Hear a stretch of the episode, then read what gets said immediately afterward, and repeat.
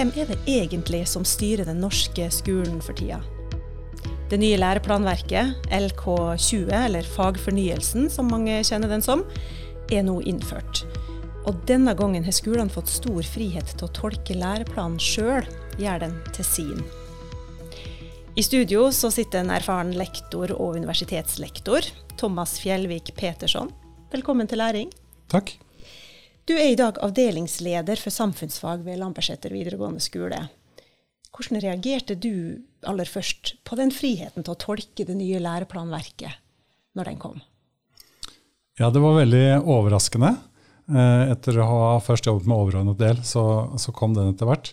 Um, og så tenkte jeg at det var, dette var veldig spennende og, og ga veldig mye frihet. Samtidig så tenkte jeg at dette kommer til å ta tid. Uh, vi har jobbet veldig eksamensretta i Oslo-skolen. Uh, og det har jo naturlig nok gjort at lærerne også har lagt vekt på det. Og nå vil det jo være da en større grad en lokal for, uh, fortolkning.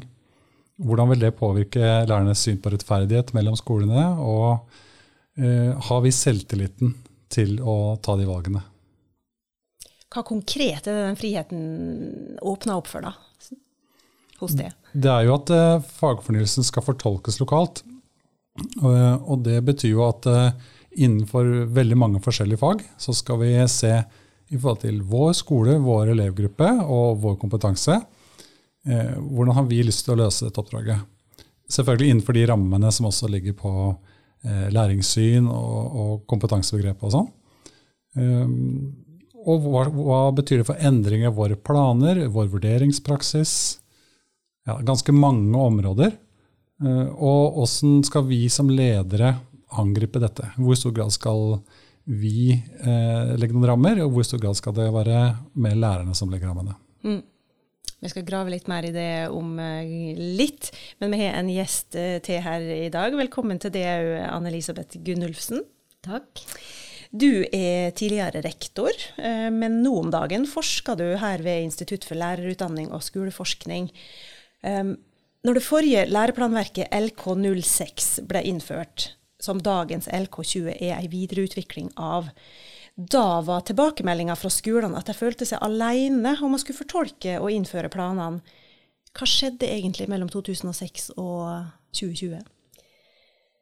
Ja, det som skjedde Vi må nesten starte enda lenger enda tidligere enn det. Gjerne det. Eh, dette at norsk skole er gjenstand for reformer, handler om eh, også internasjonale eh, påvirkning. Og OECD som en sentral aktør gjennom sine PISA-undersøkelser ga vel Skole-Norge og Forsker-Norge et sjokk. Et PISA-sjokk, som vi kaller det. Der vi ikke syntes å kunne prestere sånn som vi hadde ønska oss, sammenligna med de vi ønsker å sammenligne oss med. Mm. Og, og, dermed så, kom, uh, så fikk vi Kunnskapsløftet som reform. Og, um, Fortell, Minn meg på når PISA-undersøkelsen PISA begynte igjen. begynte. For vår del så kom vi inn i det i 2000. Mm. Så resultatene begynte da å bli uh, publisert i 2001, der omkring. Og det var stor enighet om at norsk skole da trengte en gjennomgang. Eh, og ikke minst så fikk vi en del nye, eh, nye begreper, reformideer, eh, nær sagt masterideer, der hvor ledelse ble viktig, men også tilsyn og kvalitetskontroll. Det at de som styrer skolen, fikk et behov for å ha kontroll mm -hmm. på, og en forståelse av hvor norsk skole lå sammenligna med resten av verden, eller i hvert fall landene innenfor OECD. Mm. Så det skjedde. Da fikk vi det som i LK20 ble jo kalt for frihetsbrevet, med en kompetansebasert eh, læreplan eh, hvor staten eh, ga de store linjene, og handlingsrommet ble gitt til kommunene og ut på skolene. Da skjedde det at skolene, altså Evalueringen av Kunnskapsløftet viste jo at skolene følte seg litt alene i dette fortolkningsarbeidet, og at resultatet viste seg å bli ganske ulikt. Blant flere resultater så viste det seg. Mm. Nettopp. Så da, er, da, lurer jeg jo veldig på om eh, resultatene er mer like nå. Og det kan jo du svare på snart, fordi du forsker nemlig på innføring av LK20 i et omfattende prosjekt som går over seks år, og er leder av professor Berit Karseth her ved UiO. Ditt fokus er skoleledelse. Um, og i en fersk studie så kommer det fram at den nye læreplanen da ser ut til å endre måten skolene blir styrt på. Så hva fant dere om ledelse i den runden her? Ja, det som er så spennende med ledelse, da, begrepet ledelse, det er, er umåtelig spennende. Eh, og jeg forsker jo på styring og ledelse som to begreper som også kan ses sammen. Det å, å skulle styre skolens retning eh, er én ting. Eh, en annen ting er å lede de, eh, lede de prosessene som ligger i en intensjon. Og et annet funn i denne evalueringen av Kunnskapsløftet eh, handla jo om at skolene hadde behov for støttestrukturer, få litt hjelp rett og slett til å få gjennomført eh, intensjonen som det har vært ganske stor oppslutning om. Mm. Men da er vi tilbake i 2006, ikke ja, sant? Ja. Eh, og, og, I og for seg så, så, har jo Kunnskapsløftet blitt evaluert eller revidert nå fra å ha en eh, generell del til å ha en overordna del. Men dette at Skolene, funnene viste at skolene trengte bistand. Det handler også om et, en annen reformidé, en masteridé som heter evidensbasert kunnskap, eller forskningsbasert. At skolenes praksis skal være forskningsbasert. Så, så i større grad har både Utdanningsdirektoratet og vi som er UH-institusjoner, altså universiteter og høyskoler, vi har etablert uh, støttestrukturer. Vi reiser ut i skolene for å hjelpe dem i dette fortolkningsarbeidet. Eh, mm. Som en del av det som har kommet også som desentralisert kompetanseordning. Mm. DKOMP, som det heter eh, mm. på språket i skolene. Ok, Så hvis jeg forstår det rett, da, fra 2006 og til nå, så har man både fått større frihet, men universitetssektoren har jo tura inn i skolen for å hjelpe den eh, med å fortolke og implementere, altså innføre det mm. nye, det nye læreplanverket. Ja, I et styringsperspektiv da, så er det jo kommunale og fylkeskommunale. Skoleeiere kaller vi det på norsk. da. Mm -hmm. eh, internasjonalt så er det ikke så mange som forstår det begrepet skoleeier, men det er disse som representerer de folkevalgte, som har ansvaret for skolens kvalitet. Mm. Eh, de får midler da, til å bestille denne støtten og hjelpen. Og har et tolkningsrom der òg. Hva er det skolen i vår kommune eller vår fylkeskommune trenger? Og dette tolkningsrommet har endt opp med at vi trenger flere aktører som kan være bindeleddet. Så når vi skriver mellomledere i den rapporten, så mener vi også ledere på nivået mellom fylkeskommunen og skolen, eller kommunen og skolen. Mm. Eller også mellom rektor og mellomledere som møter lærerne. Så det er, det er mange nivåer på fortolkning her. Mm. Og også i et nettverk som spinner, som ikke bare er vertikalt, men også horisontalt. Så vi skriver jo om komplekse strukturer for ledelse.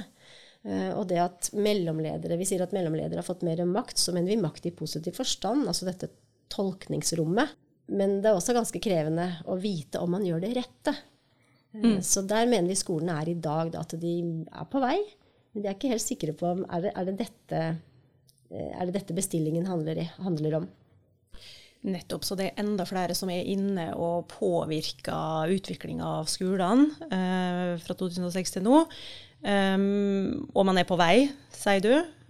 Men betyr det, altså, for Vi snakka om variasjon i stad, at, det var veldig, man løste veldig variert òg for mm. uh, eh, 15 år siden. Men, men, hva med nå? Er det mindre variert og mer likt, eller åpna det nå òg den nye styrings, styringsstrukturen for større variasjon i tolkningene, da? Altså har, dette er delrapport nummer to. Den første rapporten den undersøkte hvordan skolene forberedte seg mm -hmm. uh, på introduksjon av Da het det fagfornyelsen i større grad. Nå bruker vi lære, det nye læreplanverket. Det noterer vi uh, For nå er det innført. Mm. Uh, vi ser nok at ulikheten er like stor.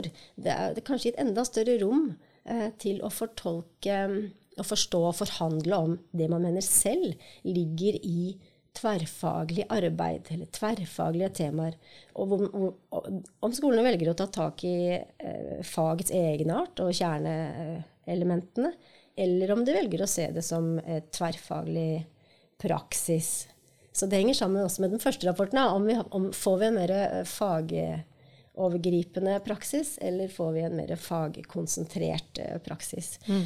Og det, jeg, forsker, jeg må bare si det, jeg forsker jo på noe jeg kaller mikropolitiske praksiser. Og det er ikke partipolitikk i skolen, men det er den som mener noe veldig sterkt innenfor en fagseksjon eller et område, om det da er elevenes læringsmiljø eller matematikk og koding, så får, så får det stor betydning hvor, hvor, hvor, god man er til å argumentere og overbevise.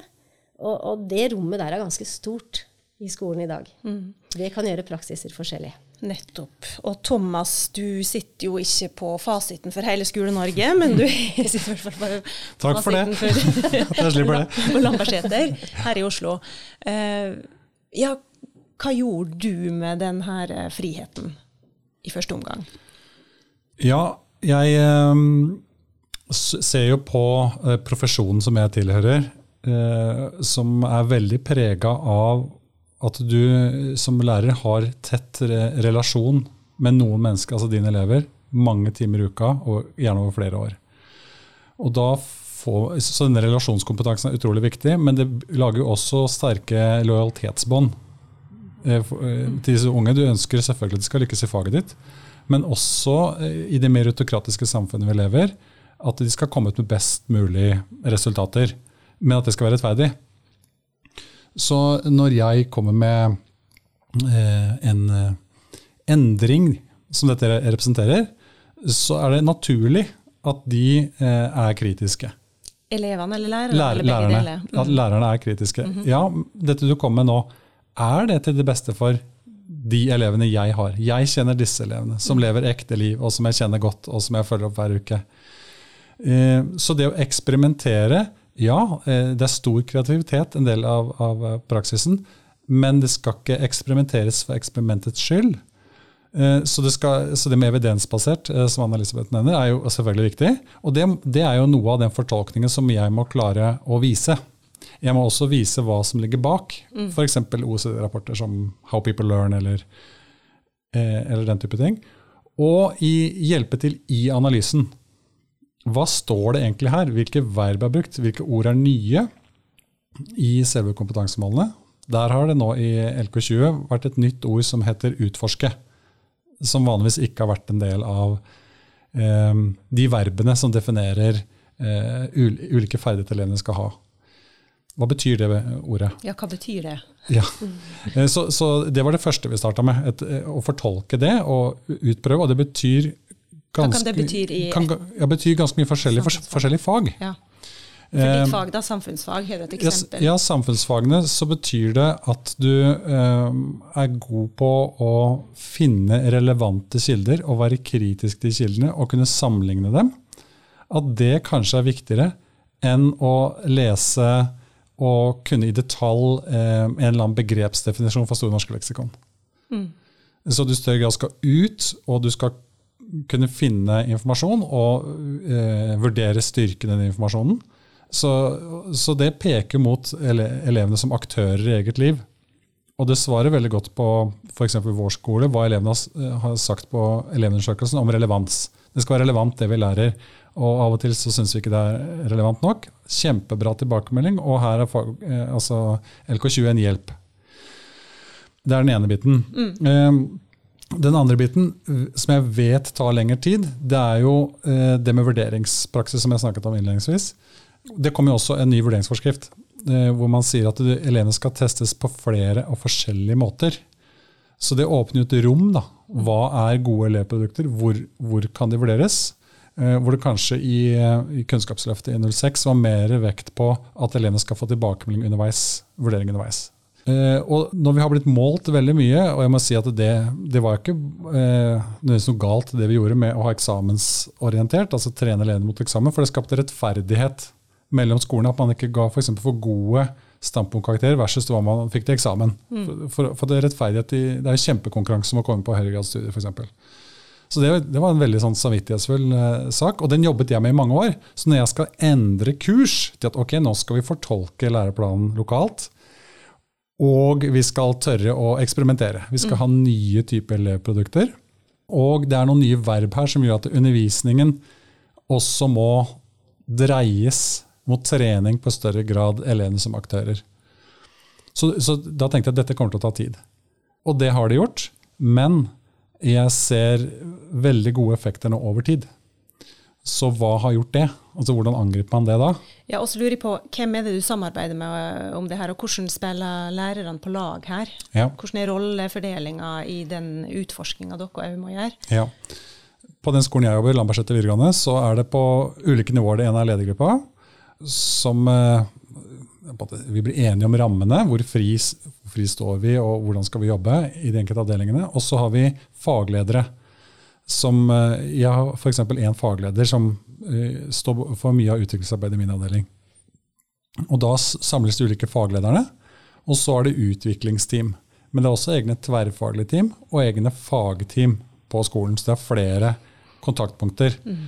Og da eh, har jeg tilegnet meg på to forskjellige måter i det arbeidet. Det ene har jo vært å delegere veldig mye av frihetsarbeidet til faglederen i samarbeid med utviklingsteamet. Men vi har blitt enige om noen målsetninger. Noen tydelige målsetninger. F.eks. utforskning var første året. Mm. Var i 2020 da, så, så, Hva betyr begrepet utforsker? Hvordan synes det i undervisning? Hvordan synes det i vurderingssituasjoner? Mm. Og det andre har vært da vurderingsforskriften. Hvordan, hvordan, skal vi forstå det? Den vurderingspraksisen vi har, som vi er trygge på, elevene kjenner, eh, det er forutsigbart, er den i henhold til det som står i vurderingsforskriften. Mm. Og det, det har kanskje vært det vanskeligste å endre.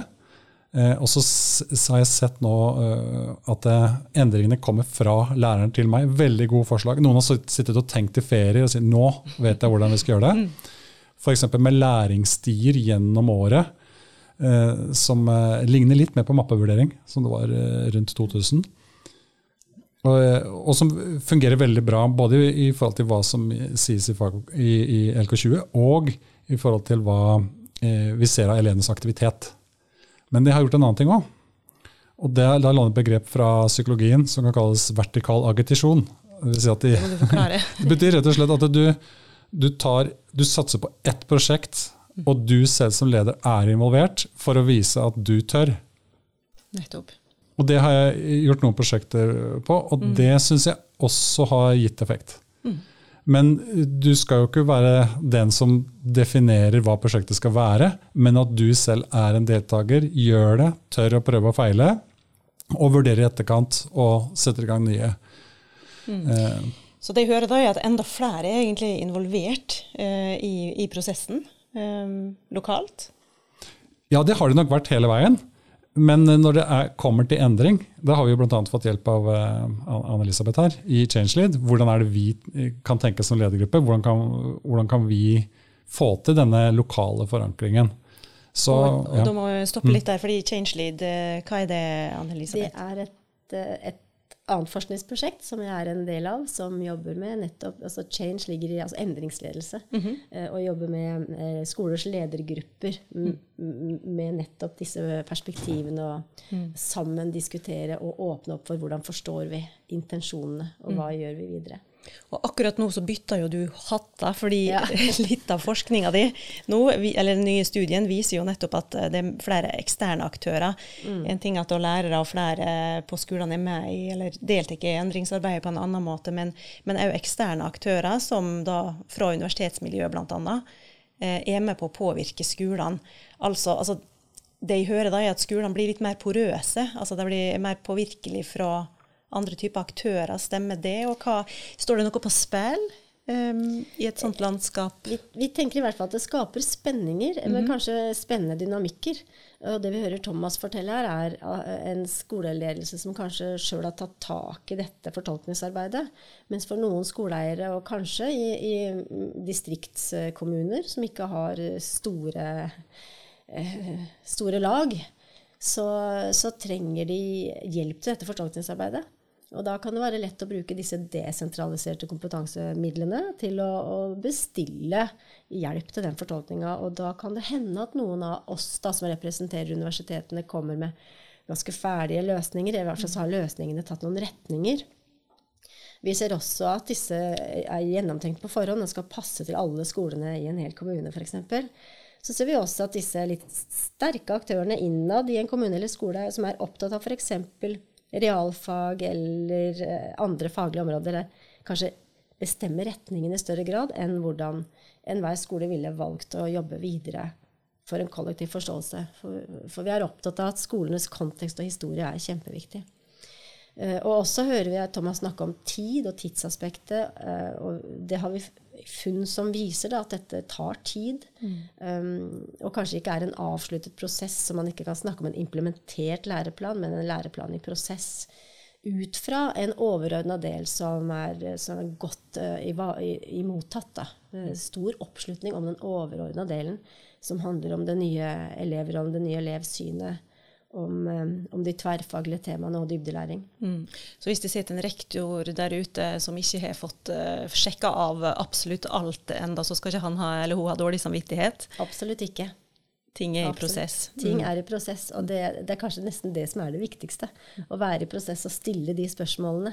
Og ha, ha noe foran deg. Det er dette med å styre. Vi skal dit frem for med, med økt motivasjon og glede over å gå på skolen. Mm. Og så de trinna vi tar underveis, da, det er ledelse. Mm. Styringen er der fremme. Ledelsen er det som mellomledere og rektorer gjør eh, kontinuerlig. Mm. Ja, la oss stoppe litt og dvele ved ledelse. Ehm, du er jo veldig interessert i, i den tematikken, eh, vært rektor sjøl før. Hva er god ledelse? Hva er, spesifikt, hva er god skoleledelse? Ja. ja det er jo det er eureka-spørsmålet. Eh, og hva er ledelse? Mm. Eh, det er jo nesten enda, et enda viktigere spørsmål. For jeg ser jo ledelse overalt. Eh, jeg ser på TV òg. Så jeg ser jo jeg ser f.eks. på Farmen, der man eh, peker ut en storbonde som skal dele ut oppgaver. Og så ser man denne, på denne farmen da, at enkelte deltakere kan si jeg vet at dette ikke kommer til å gå, men jeg gjør det jeg blir bedt om. Eh, det er både å ta ledelse og mm. få ledelse. og det er, en, det, er, det er en måte å se ledelse på som ikke bare handler om den formelle storbonden, som mm. kan være rektor, men alle disse andre forpakterne, som kan være lærerne eller mellomlederne. Jeg syns det er kjempespennende. Mm. Og tilsvarende så kan vi nesten se uh, i andre programmer på dette TV-apparatet at uh, noen quiz-programmer anerkjenner det å bare huske. Mens f.eks. et annet program som heter Kongen befaler, mm -hmm. der, skal man løse, der skal man utforske og løse oppgaver der svaret ikke er gitt. Mm. Og det syns jeg er spennende i et læringsperspektiv. da. Mm. Uh, og også i et ledelsesperspektiv dersom man skal gjøre dette i gruppe. Mm. Hvem tar ledelse? Mm. Så god ledelse kan være så mangt. God ledelse kan være den sterke, tydelige stemmen når det trengs. Uh, en annen type ledelse kan være den som gir rom for andre. Uh, og vi kan forstå ledelse i et distribuert perspektiv. Da ser vi hvordan, det, hvordan ledelse beveger seg i relasjoner helt horisontalt. Mm. Ja, du underviser jo du på rektorutdanninga her ved Universitetet i Oslo. Eh, bruker du Kongen befaler eh, som en del av undervisninga di? ja, jeg har, eh, jeg har, gjort det. Jeg liker det. Det er nesten fælt å avsløre hvor mye jeg ser på TV. Men, og hva peker du på da? Hva er det du ber deg ja, over? Hva sa du nå? Hva er det du peker på da? Hva ber du studentene reflektere over? Ja, det, det, blir ulike situasjoner hvor ledelse skjer. Mm. For det er nettopp det Vi kan reflektere over ledelse i et teoretisk perspektiv. Vi kan se på det i et maktperspektiv, i et tillitsperspektiv. Uh, men man kan også reflektere over når Hvis vi spør når er det du synes du leder, og når er det du leder best? Uh, og hva leder du? Uh, å, å, vi kan jo, hvis du googler da, ordet 'god ledelse', så får du mange millioner treff på under et sekund. Mm -hmm. Og du får bilder av personer som er veldig gode ledere. Men hva leder de? Er det et, en hotellkjede, mm. eller er det da læring? Mm. Og det komplekse i å lede læring med så ulike personer, mennesker, personligheter, det er kjempespennende og utrolig krevende. Mm. Og derfor så er det så, så, har jeg ikke noe svar på hva som er god ledelse. Jeg har, bare svar, jeg har et svar på at det er spennende å se på når ledelse skjer, og at det skjer overalt. Hele mm. tiden. Men la oss zoome inn på én spesifikk leder som er her i studio i dag. Da.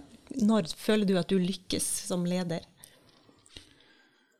Jeg, jeg syns vel eh, det eksempelet jeg ga i stad, når jeg ser at uh, jeg har klart å jobbe med fortolkning, støtte, uh, utfordre, og så skjer det. Uh, når lærerne dine jobber i sommerferien. Og, ja, og vise meg sånn her kan det se ut. Mm. For det er klart, de har jo kompetansen i sine fag og jobber mye mer med undervisning enn det jeg gjør. Så det er de som vil finne de beste løsningene. Og når det skjer, og det blir så bra som det gjør, da føler jeg åh, dette var kjempegøy. Jeg syns også det er ledelse når du tør å prøve å feile selv. Eh, når det kan være kanskje litt frykt for å prøve å feile. Eh, og vise at ja, men det er greit nå, det er forventa, se han feila, eh, snakker om det, analyserer det. Så de to eksemplene tenker jeg for meg er eh, to forskjellige eh, sider av lederskapet som, eh, som eh, jeg er opptatt av. Mm. Kan jeg få si en ting i forhold til hva Anne-Elisabeth sa? Absolutt. Fordi det, den fortolkningen, Mhm. den er også kanskje forventet at eh, ledelsen ved en skole tar tak i. Og det er vanskelig. Um, særlig når du sier eh, at eh, ja, denne læreplanen den skal dere fortolke lokalt. Kjempeoppdrag. Hvilket mot, hvilken selvtillit har det til at du har forstått dette riktig? Og da var det veldig verdifullt å ha inn noen eksterne, som vi også kunne spille ball tilbake til. Eh, I og med at jeg jobba med læreplananalyse her når jeg underviste her, så er jeg kanskje ekstra interessert i det. Men allikevel hadde jeg problemer med å forstå det. Eh, og da var det altså de modellene som ligger bak. Hvilken tenkning ligger bak en læreplan? Som vi kan kalle en taksonomi, altså en, en måte å sortere eh, kompetanse på. Ok, Hva slags læringssyn og hva slags taksonomi er det som var, og hva er det som er nytt her? Og Det står ikke nødvendigvis eksplisitt hvilken modell man bruker. Så det å prøve å finne fram til den. Og Der fikk vi veldig god hjelp i at eh, LK20 er i langt større grad også preget av et pragmatisk læringssyn. Og bare jeg fikk vite det og bekreftelse på det, så ga meg masse selvtillit til å ta det arbeidet inn i min avdeling, og at jeg kan være konsekvent på det og vise eksempler. Og da kommer det andre tilbake etter hvert. Så det er en rød tråd her mellom de samlingene jeg hadde med Anne-Elisabeth, og at lærerne kommer meg og viser etter sommerferien. Sånn kan det se ut. Så den oversettelsesjobben man har som leder der, er kjempeviktig. Og jeg har høy grad av anerkjennelse av at det, det er vanskelig. Og jeg håper at denne podkasten, men også Dekomp-midlene, sånn, kan hjelpe skolene til å få den tryggheten. Da, på ok, nå, nå tror jeg hva vi, For vår skole så kan det se sånn ut. Men hva var det som skjedde akkurat der? For det høres ut som et utrolig godt partnerskap dere hadde. Ja. Hva var det som åpna for det gode partnerskapet? Var det at du hadde den ekstra kompetansen? Så hvis det sitter en skoleleder da, som er mer alene eh, på en, i en liten kommune, liten skole, som kanskje ikke har eh, den erfaringa, hva vil råd vil du gi? Nei, jeg tror ikke bakgrunnen min ha, har noe å si. Mm. Det jeg tror var at eh, dialogen oss imellom var ikke at forskerne satt og så på vi jobba og noterte, men at de var er de inspirert av antropologien, altså deltakende, deltakende i prosessen. Og så kan ja, Det her skjønner jeg ikke. Jeg skjønner ikke dette her. Og så husker jeg Ruth Jensen sa jeg skal komme tilbake, og så kommer det et svar da, eh, som er godt begrunna, evidensbasert. Og så, ok. Så det, det mye handler om at man skal få selvtillit gjennom å, å skjønne det, for da får du tro. Og, og det tror eh, det, det kan skje overalt, men du må kanskje ha noen å spille ball med. Ja. Og Ruth Jensen, som du nettopp nevnte, det er jo en kollega av Anne-Elisabeth eh, Mm, i, dette, I dette prosjektet Change Lead. Ja. Og kan jeg få kommentere litt på det Thomas sa der? For nettopp dette da eh, Da er god ledelse også å kunne si 'dette skjønner jeg ikke'. Eh, å åpne opp for, for, for Å lede læring handler også om å inspirere til læring. Eh, at lærerne skal lære, og at man skal lære i et led, lederfellesskap. Så tenker jeg at dette skjønner jeg ikke inviterer jo til å utforske. Og da er jo det i tråd med dette pragmatiske kunnskapssynet i læreplanverket, og kanskje man også må ta en runde med seg selv, og, som vi gjerne bruker som et institusjonelt perspektiv. Da, hvilke verdier, visjoner og kognisjon har du om den institusjonen du eh, jobber i og er en del av? Så, så det har vi jo sagt noe om i den rapporten òg, at vi tenker at eh, det er viktig med støtteressurser, og at de skal inn og være en del av eh, skolen. Mm. Og rapporten lenker vi til i episodeteksten for de som er interessert. Men nå har vi jo åpna opp for en del muligheter her. Men hva er de store hindringene for god ledelse eller effektiv ledelse i skolen i dag? Det er kanskje litt for slitt å si at det er tid. Um, og da, da peker jeg på formell ledelse.